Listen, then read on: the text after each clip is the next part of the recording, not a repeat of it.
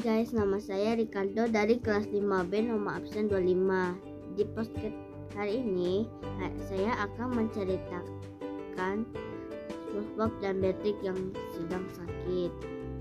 Pada suatu hari, SpongeBob dan Patrick sedang kelaparan. Mereka mencari makanan, namun tidak ada satupun yang ditemukan. Lalu ada tukang es krim lalu mereka membelinya.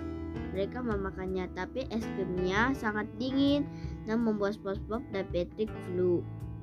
Lalu mereka ke dokter dan dokter berkata, SpongeBob dan Patrick harus istirahat dan minum obat.